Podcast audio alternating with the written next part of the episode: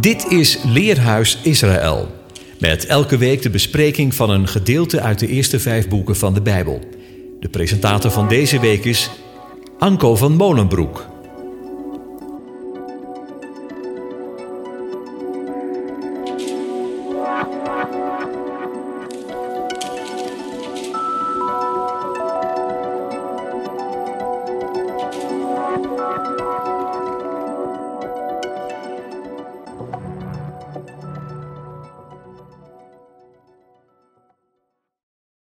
Beste luisteraar, van harte welkom in het leerhuis van Radio Israël. Een van de docenten op de school waar ik leiding gaf had ruzie met de tweede corrector van haar examenwerk. Toen zij elkaar belden om de verschillen door te spreken, zei de tweede corrector dat hij de meeste namen niet uit kon spreken en daarom maar de nummers zou noemen. Oké, zei deze docent, dan neem je even een half uurtje de tijd om de namen te oefenen en dan bellen we opnieuw. Mijn leerlingen zijn geen nummers. Ze hebben namen. Hebt u er ook zo'n hekel aan als uw naam verkeerd geschreven of uitgesproken wordt? Dat raakt je op allerlei manieren. Je naam is direct gekoppeld aan je persoon, wie je bent. Een andere naam is een ander persoon. En iemand die jouw naam correct schrijft, heeft je naam gezien, heeft jou gezien. Je naam is je door je ouders gegeven. Die is dus gekoppeld aan je afkomst. Van wie ben je er een? Je naam is ook verbonden met je positie, wat je bent. Heb je naam gemaakt? Wie echt naam heeft gemaakt in de Bijbel is Jethro, de schoonvader van Mozes. Over hem gaat het in dit leerhuis. De hele parasha is naar hem genoemd, Jethro. We gaan lezen uit Exodus 18 vers 1 tot 12. Dan hoort Jethro, priester van Midjan, bruidsvader van Mozes, al wat God voor Mozes gedaan heeft en voor Israël zijn gemeente, dat de ene Israël heeft uitgeleid uit Egypte. Dan neemt Jitro, de bruidsvader van Mozes, Tzipora mee, de vrouw van Mozes, nadat hij haar heeft heengezonden en haar twee zonen, van wie de naam van de een is Gershom, want, heeft hij gezegd, een geer, een zwerver te gast ben ik geweest in een vreemd land. En de naam van de ander was Eliezer, mijn God is een hulp. Want de God van mijn vader is mij tot hulp en heeft mij ontrukt aan Farao's zwaard. Hij komt aan, Jitro, de bruidsvader van Mozes, met zijn zonen en zijn vrouw bij Mozes in de woestijn waar hij gelegerd is bij de berg Gods. Hij zegt tot Mozes, ik, je bruidsvader Jitro, ben tot jou gekomen, met je vrouw en haar twee zonen met haar. Mozes trekt uit zijn bruidsvader tegemoet.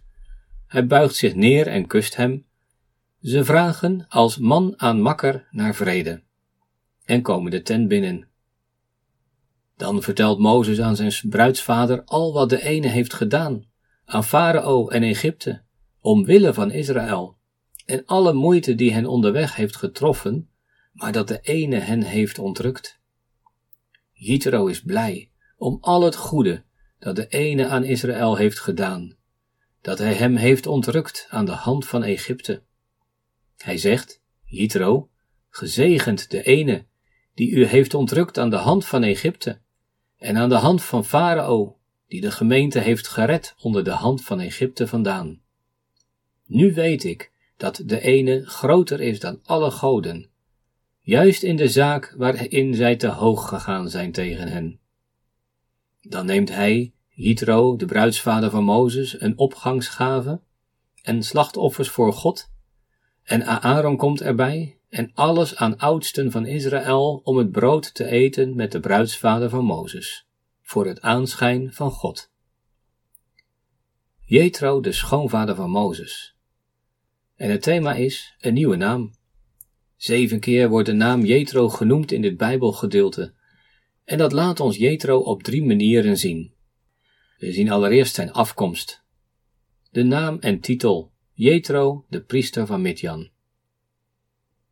En dan ten tweede zijn persoon, ik, Jethro. En tenslotte zijn positie, de schoonvader van Mozes.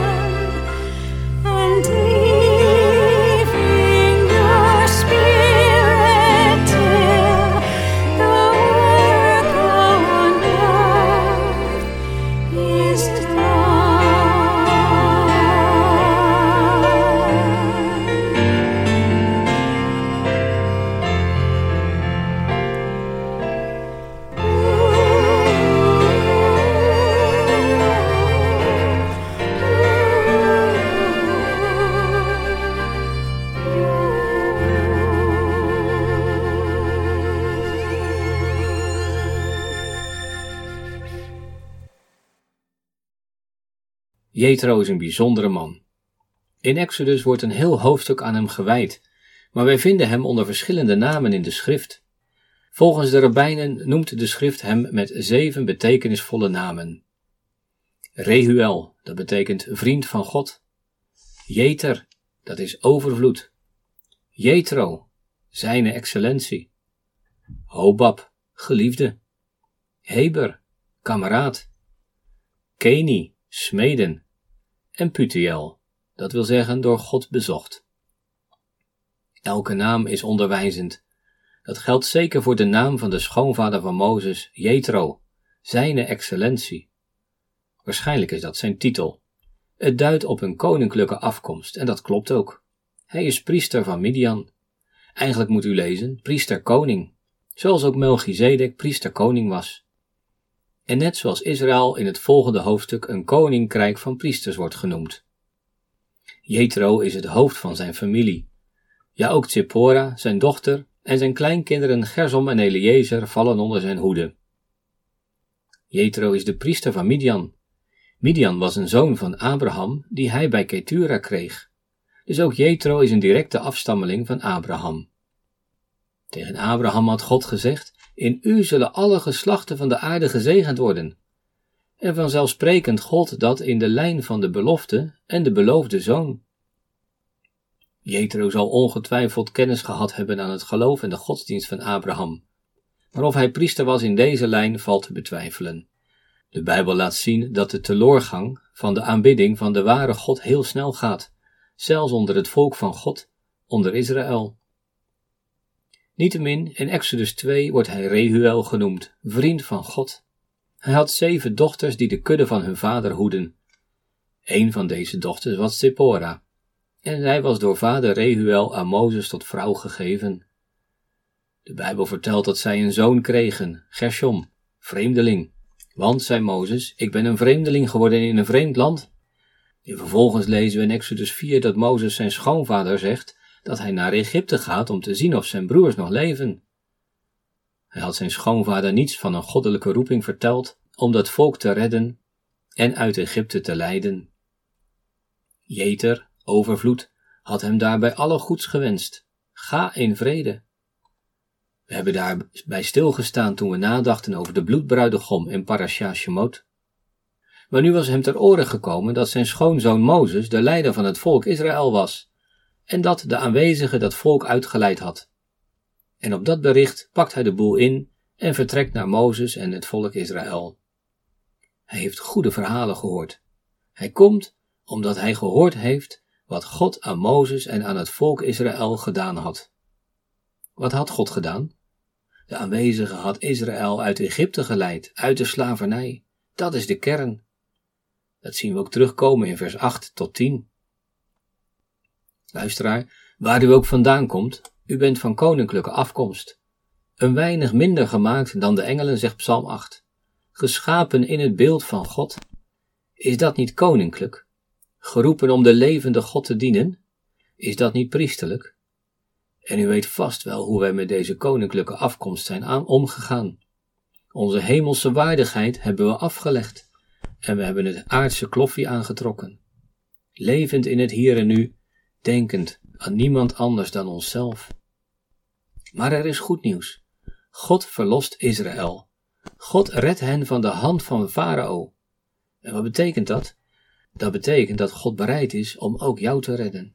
Ben jij al op weg gegaan om je bij dat volk van God te voegen? Onder de rabbijnen is er verschil van mening of Jethro voor of na de wetgeving op de Horeb aankwam. Maar daar hoeven wij ons hoofd echter niet over te breken. Exodus vermeldt zijn komst na de overwinning op Amalek. En dat is niet voor niets zo. Wat heeft deze strijd met de komst van Jethro te maken? Wel, alle aanvallen van Amalek in de Bijbel verlopen volgens een vast patroon. Het volk wordt uitgeleid uit ballingschap.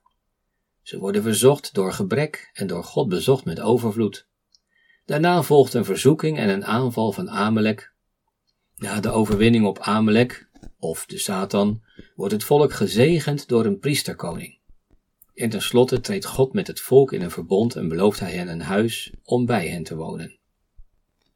Dus, na de overwinning van Amalek zien we een priesterkoning komen Zo wordt Abraham gezegend door Melchizedek, Mozes en het volk door Jethro, David door Hiram, en na Haman zegent koning Artazasta, Ezra en Nehemia, zodat zij Jeruzalem en de tempel, het huis, weer kunnen herbouwen. Al deze priesterkoningen zegenen, omdat ze gezien hebben dat, het, dat God het volk, of Abraham of David, gered heeft en de tegenstanders aan hen overgeleverd heeft, omdat ze het goede van Israëls God hebben gezien en gehoord. Hoe zegent Jethro Mozes en het volk Israël? Wel, hij brengt het gezin van Mozes mee. Nu, dat lijkt ook een eenvoudige mededeling in het verhaal. Jethro, de schoonvader van Mozes, komt en neemt het gezin van Mozes mee. Dat lijkt ons logisch. Maar de schrift geeft geen nutteloze informatie. Laten we de tekst eens nagaan. Het eerste opmerkelijke feit wat we lezen is dat Mozes zijn vrouw Tzipora teruggestuurd heeft naar haar vader. Wanneer was dat? Nou, dat staat er niet. Maar we weten wel dat Mozes zijn vrouw en kinderen meenam toen hij naar Egypte trok om te zien of zijn broers nog leefden. En blijkbaar heeft Mozes zijn vrouw en kinderen teruggestuurd voordat hij echt in Egypte kwam. Waarom? Nou, ook dat staat er niet. Maar het Hebreeuwse grondwoord voor terugsturen betekent ook zoveel als een afscheidscadeau of zelfs een echtscheidingsbrief of bruidschat. Wilde Mozes scheiden van Sephora? Of verwachtte hij dat hij het niet zou overleven?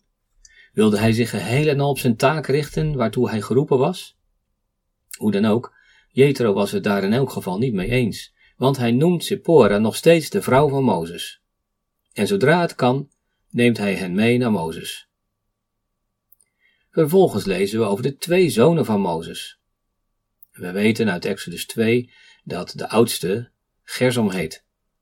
In de geschiedenis van de bloedbruidegom worden hun namen niet vermeld. Zelfs niet welke zoon daar besneden wordt, al vermoeden we dat het de eerstgeboren zoon was. Hier worden hun namen genoemd en ook hun betekenis. Dat moet ons dus te denken geven. Om die betekenis gaat het. Waarom?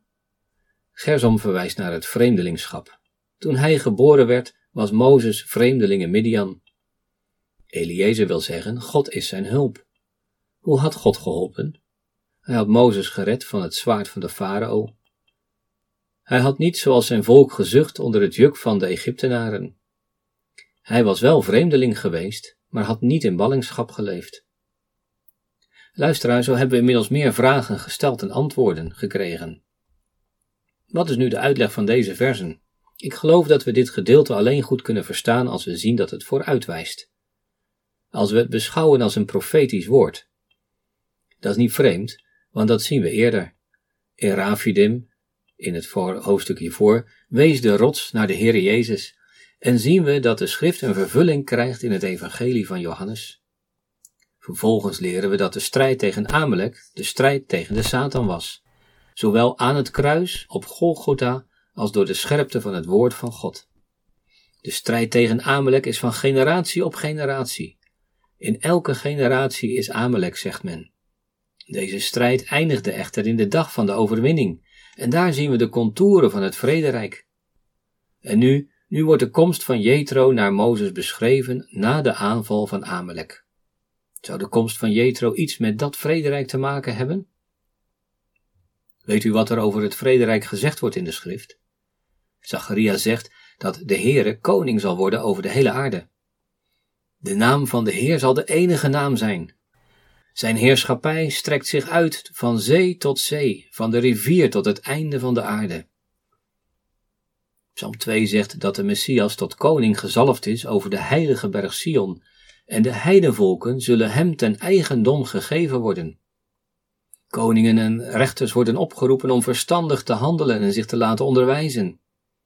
En in Psalm 72 zegt David dat alle koningen zich voor hem neerwerpen en alle volken hem dienstbaar zullen zijn. En Jezaja zegt dat de heidenvolken naar hem zullen vragen. Die zal staan als een banier voor de volken. Zie, die tijd, die heidenvolken, die koningen worden met de komst van Jethro afgebeeld. De periode voorafgaand aan de komst van het vrederijk worden de tijden van de heidenen genoemd. Dat wil zeggen dat de koningen uit de heidenvolken regeren over het volk van God, terwijl Israël in ballingschap verkeert. Jethro is een type van die koningen. Onder zijn bewind leven Zippora en haar zonen, totdat de Messias op weg is om zijn vrederijk te vestigen. En hier is Mozes op weg met het volk naar Canaan. En Zippora en de zonen van Mozes, hoe passen die in dit plaatje? U weet vast wel dat de twaalf stammen naar koning Salomo verdeeld zijn in het twee- en tien stammenrijk. Het koninkrijk van Juda en van Israël. Het huis van Juda en het huis van Jozef of Ephraim. Het huis van Juda keerde uit de ballingschap van Babel terug naar Jeruzalem en Canaan. Zij worden vanaf die tijd Joden genoemd. Het tienstammenrijk is weggevoerd door de koning van Assur en opgenomen, verspreid onder de heidevolken van deze wereld. Ze leven als vreemdelingen in een vreemd land. Hosea zegt zelfs dat zij niet meer Gods volk zijn. Lo Ami. God heeft hen een echtschrijningsbrief gegeven. Maar daar blijft het niet bij. God zal zijn volk weer aannemen, zoals Hosea schrijft. Jacobus schrijft aan de stammen in de verstrooiing, de twaalf stammen. En Petrus haalt Hosea aan als hij zegt, maar u bent een uitverkoren geslacht, een koninklijk priesterschap, een heilig volk, een volk dat God zich tot zijn eigendom maakte, u, die voorheen geen volk was, maar nu Gods volk bent. U die zonder ontferming was, maar nu in ontferming aangenomen bent. Petrus, Jacobus, Paulus, ze spreken over en tot de gemeente van het Nieuwe Testament. Een gemeente die bestaat uit gelovigen uit de verstrooide tien stammen en de gelovigen uit de heidenvolken. De verloren schapen van het huis van Israël en de schapen die van deze stal nog niet zijn. Deze gelovigen uit de heidenvolken zijn eveneens gered uit de slavernij van Egypte, gered van de slavernij van deze wereld, maar ze zijn niet in ballingschap gevoerd. Zie, daar hebt u Zippora en die twee zonen van Mozes, als een beeld, een type van de gemeente van het Nieuwe Testament. Ze worden gebracht uit de heidevolken naar de Messias. En de profeet Ezekiel voorzegt ons dat deze twee koninkrijken weer tot één zullen worden. Dat de stammen, de twaalf stammen, weer tot één koninkrijk zullen zijn onder de scepter van koning Yeshua. Je vraagt je misschien af, wat schiet ik ermee op als ik dit allemaal weet? Waarom staat dit in de Bijbel? Dan moet je onthouden dat niet alles wat in de Bijbel geschreven is over ons gaat, maar het is wel een boodschap aan ons.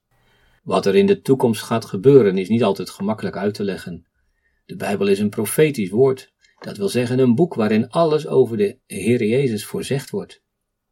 En om het goed te kunnen begrijpen laat de Heere God profetie vaak opschrijven in de vorm van een verhaal, een gebeurtenis, een geschiedenis. Dat zien we dus ook in deze geschiedenis. En eigenlijk vertelt deze geschiedenis ons wat er nu, in onze tijd gebeurt en in de nabije toekomst zal gebeuren. Jethro, de priester van Midian, dat is zijn afkomst. Deze afkomst laat ons tegelijk de afkomst van Zippora en haar kinderen zien, uit de heidevolken. Maar deze kinderen zijn tegelijk kinderen van Mozes, zoals de christelijke kerk naar Christus is genoemd. De afkomst van Jethro herinnert ons aan onze eigen afkomst. Van wie ben jij er een? Ben je nog een kind van Adam? Of ben je al een zoon of dochter van Abraham? Maar een naam zegt niet alleen wat over onze afkomst, het vertelt ook wie we zijn. En dat is het tweede punt, de persoon van Jethro.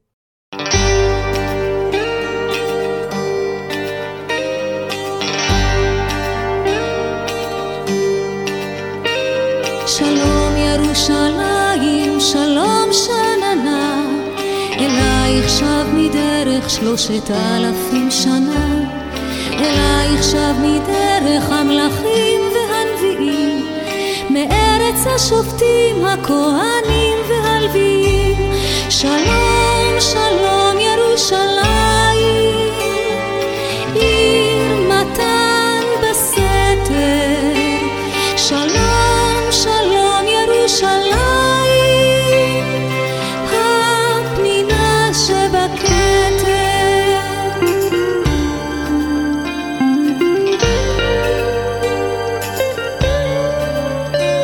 שלום ירושלים, שלום רעננה, אלייך שב מדרך מלחמה והגנה, אלייך שב מדרך הררייך הנוגים, אל ערש השבת המועדים והחגים, שלום,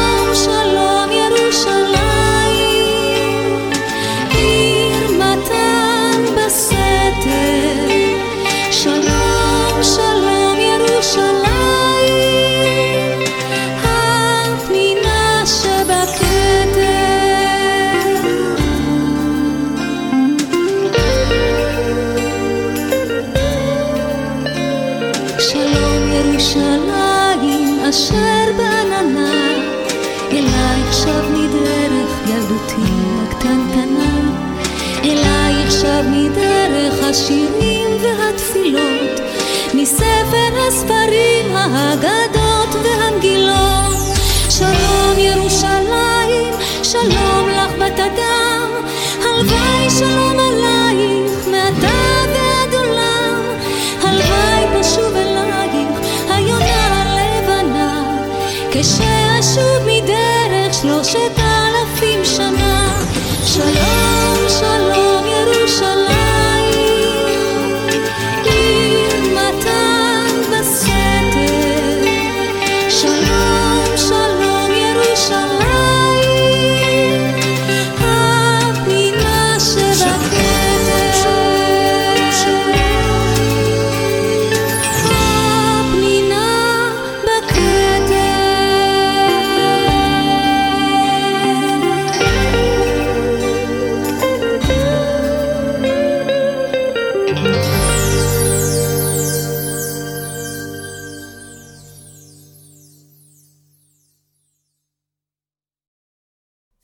Jetro. Jetro komt bij het kamp aan. We lezen een nauwkeurige plaatsbepaling. Bij Mozes in de woestijn, bij de berg van God, waar Mozes het kamp opgeslagen had. Ze komen bij de berg van God, in de nabijheid van God. Hier is het priesterschap van Jetro niet belangrijk meer. Hier is hij Jetro, de schoonvader van Mozes. Zijne excellentie kondigt zijn komst aan. Ik, je schoonvader Jetro, kom naar je toe en breng je vrouw en haar beide zonen mee. Het lijkt erop alsof Jetro zichzelf op de voorgrond plaatst. Ik, Jetro. En kijk eens wie ik meegebracht heb. Je vrouw en haar zonen, haar zonen. Het maakt duidelijk van wie deze zonen zijn. Niet de zijne, maar de hare. Het is alsof deze Jetro afstand neemt, alsof hij zich verheven voelt boven Mozes. Eigenlijk is het wel een heel menselijk trekje van Jetro. Hoe vaak voelen wij ons verheven boven een ander? En hoe vaak behandelen wij een ander uit de hoogte? Wie denken we wel dat we zijn? Zelfs de discipelen lieten het voeten wassen aan een ander over. Zelfs zij kibbelden om de ereplaatsjes. Maar wat zegt Yeshua? Leert van mij dat ik zachtmoedig ben en nederig van hart. Ja, zalig zijn de zachtmoedigen, want zij zullen de aarde beërven. Dat is een zaligspreking uit de bergrede, de grondwet van het koninkrijk der hemelen. En daarmee haalt Yeshua ook Psalm 37 aan. De zachtmoedigen beërven het land. Dat is vriendelijkheid zonder agressie, mildheid zonder toren. Dan sta je in een open verhouding tot elkaar. Dan laten we de ander in zijn of haar waarde. Dan is het niet meer ik, Jetro. Waar vind je dat nog in onze ik-gerichte cultuur van zelfontplooiing? Maar zachtmoedigheid vraagt geen zelfontplooiing, maar zelfopoffering. Hebt u al geleerd om zachtmoedig te zijn? Het is de vrucht van de geest. Of loop je met je duimen achter je vestje, zie mij eens. Of vouw je je handen en vraag je, Heer, wat wilt u dat ik doe? Wie heeft zachtmoedigheid op aarde het beste geleerd? Dat was Mozes. Hij was een zeer zachtmoedig man, meer dan enig mens op de aarde. Kun je het je voorstellen? De man die in een vlaag van woede een Egyptenaar doodsloeg? Dat is nu wat genade, wat de geest met je doet. Hij maakt zachtmoedig. We zien deze zachtmoedigheid ook terug in de begroeting van Mozes en Jethro, want Mozes gaat naar buiten toe en buigt zich voor hem neer. Een teken van eerbied voor zijn schoonvader. Daarna kust hij zijn schoonvader als een begroeting. Wat een uitnodiging is dit voor Jethro om af te dalen naar het niveau van Mozes. Ze vragen elkaar naar de welstand. Nee, dat is geen beleefdheidsfrase. Hoi, hoe is het? Gaat het goed? Hoe vaak kunnen wij dat zeggen zonder dat we een antwoord verwachten? Eigenlijk is het heel hoogmoedig, want het toont juist weinig interesse in de ander. Zo gaat het tussen Jethro en Mozes niet. De Naardense Bijbel vertaalt het zo heel mooi. Ze vragen als man aan makker naar vrede. Daar klinkt het vriendschappelijke in door. Het woordje elkaar wordt ook vertaald met naaste. Ze weten zich aan elkaar verbonden. Wat vragen ze? Is het vrede? Is dat simpelweg wellevendheid van beide mannen? Oosterse hoffelijkheid? Nee, het is de vraag van een man aan zijn makker, een oprechte betrokkenheid. Het woordje welstand is gewoon shalom, vrede. Wie vrede heeft, die gaat het goed. Het zou toch mooi zijn als we elkaar zouden kunnen vragen: heb je vrede? Ja, ik vraag het nu aan jullie: heb je vrede? Vrede met God en vrede met elkaar. Vrede is echt niet alleen voorbehouden aan de tijd van het vrederijk. Oh nee, Yeshua zegt tegen zijn discipelen: Vrede laat ik u, mijn vrede geef ik u. En hij eindigt in Johannes 16: Deze dingen heb ik tot u gesproken, opdat u in mij vrede hebt. En Paulus zegt in Filippenzen 4: En de vrede van God, die alle begrip te boven gaat, zal uw harten en uw gedachten bewaken in Christus Jezus. En daarom nog een keer: hebt u vrede. Hebt u deze vrede van God? Misschien moet je nu zeggen: die vrede had ik wel, maar die ben ik kwijtgeraakt. Ik heb me teruggetrokken van God, dacht het zelf te kunnen. Ik heb mijn eigen ik op laten spelen, het belangrijker geacht dan God. En ja, dan verdwijnt de vrede. Of u bent niet in Gods weg, u wandelt op uw eigen weg van zonde, u leeft niet in vrede met uw naaste. Ja, ook dan hebt u geen vrede. Of je was tevreden met de vrede die je had, en daarom werd die vrede steeds minder en minder. Want vrede blijft in stand als je je richt op de Messias. Nu vul het verder zelf maar in. Wilt u die vrede van God weer terug? Verlangt u ernaar om weer in Gods buurt te zijn? Laten we dan eens verder lezen in Exodus 18. Want vrede plaatst ons in een positie tegenover onze omgeving, tegenover de ander, tegenover God. En dat is het derde punt, de positie.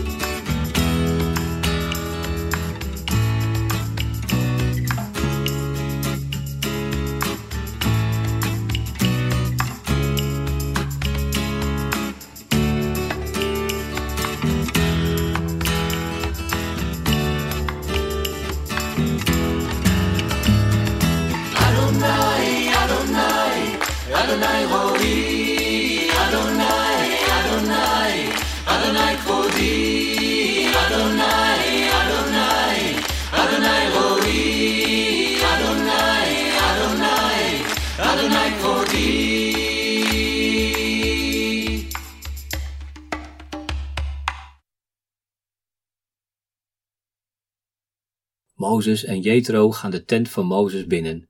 Het is opmerkelijk dat we niets meer lezen over Tzipora en haar zonen. Waar het licht eerst op hen viel en daarna op de persoon van Jethro, daar valt het nu op Mozes. Want hij gaat spreken. En daarmee verandert opnieuw het perspectief.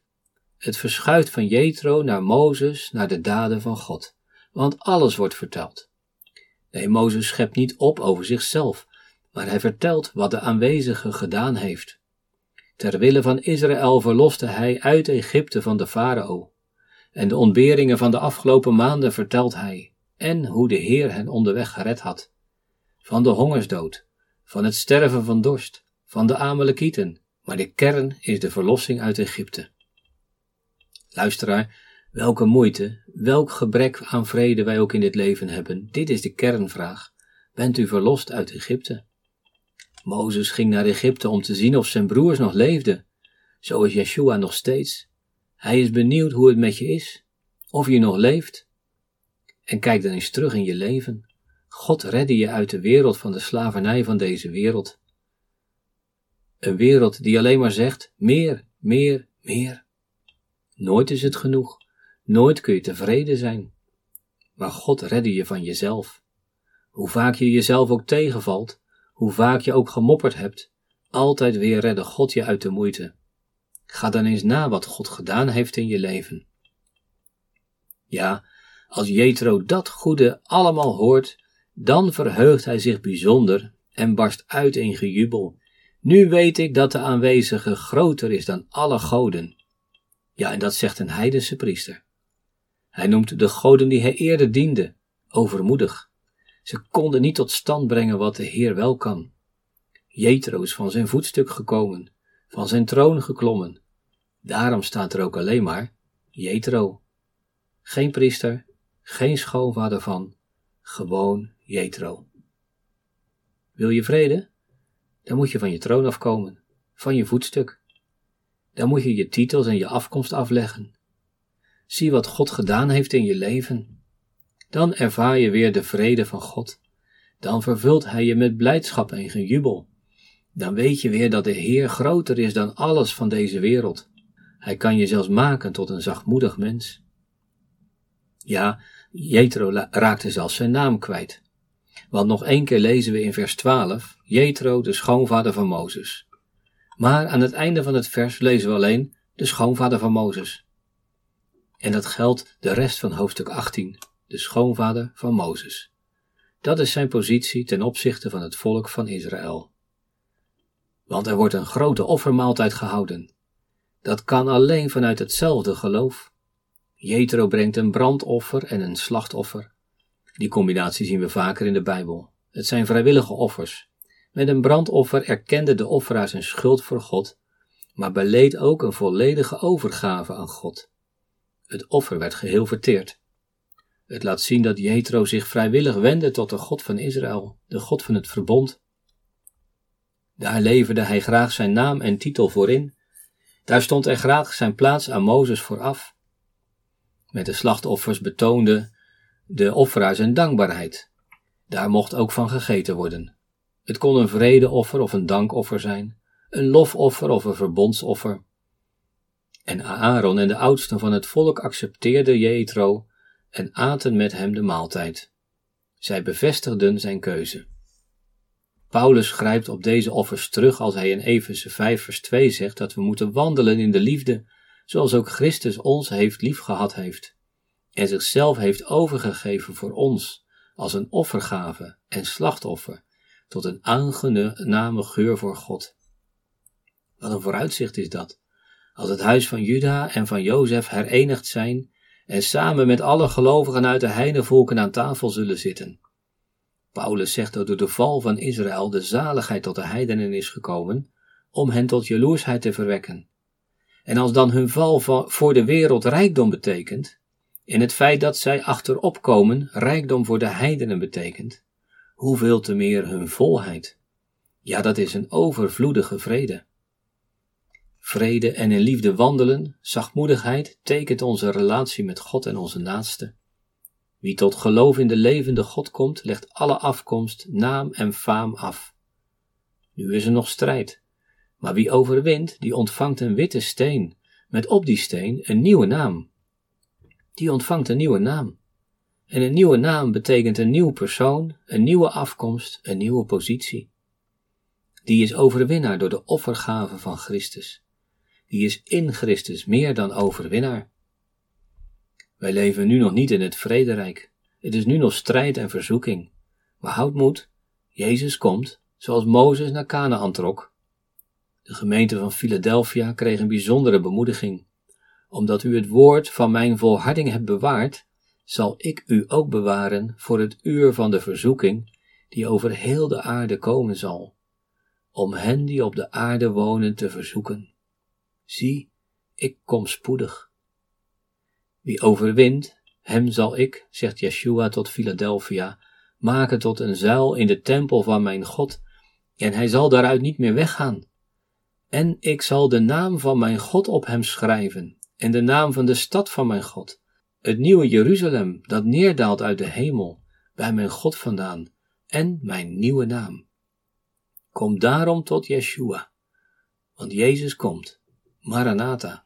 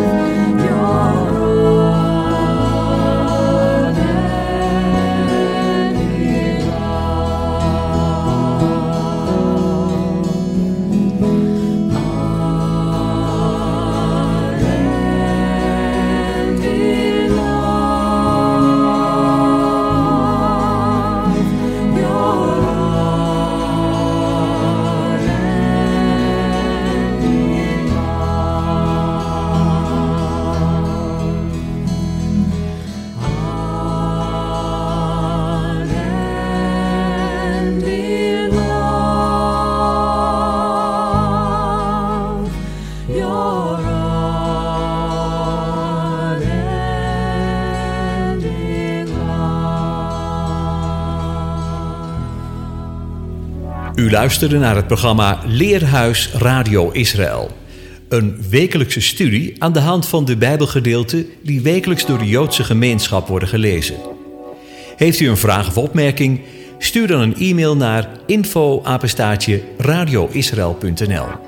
Het leesrooster vindt u op onze website.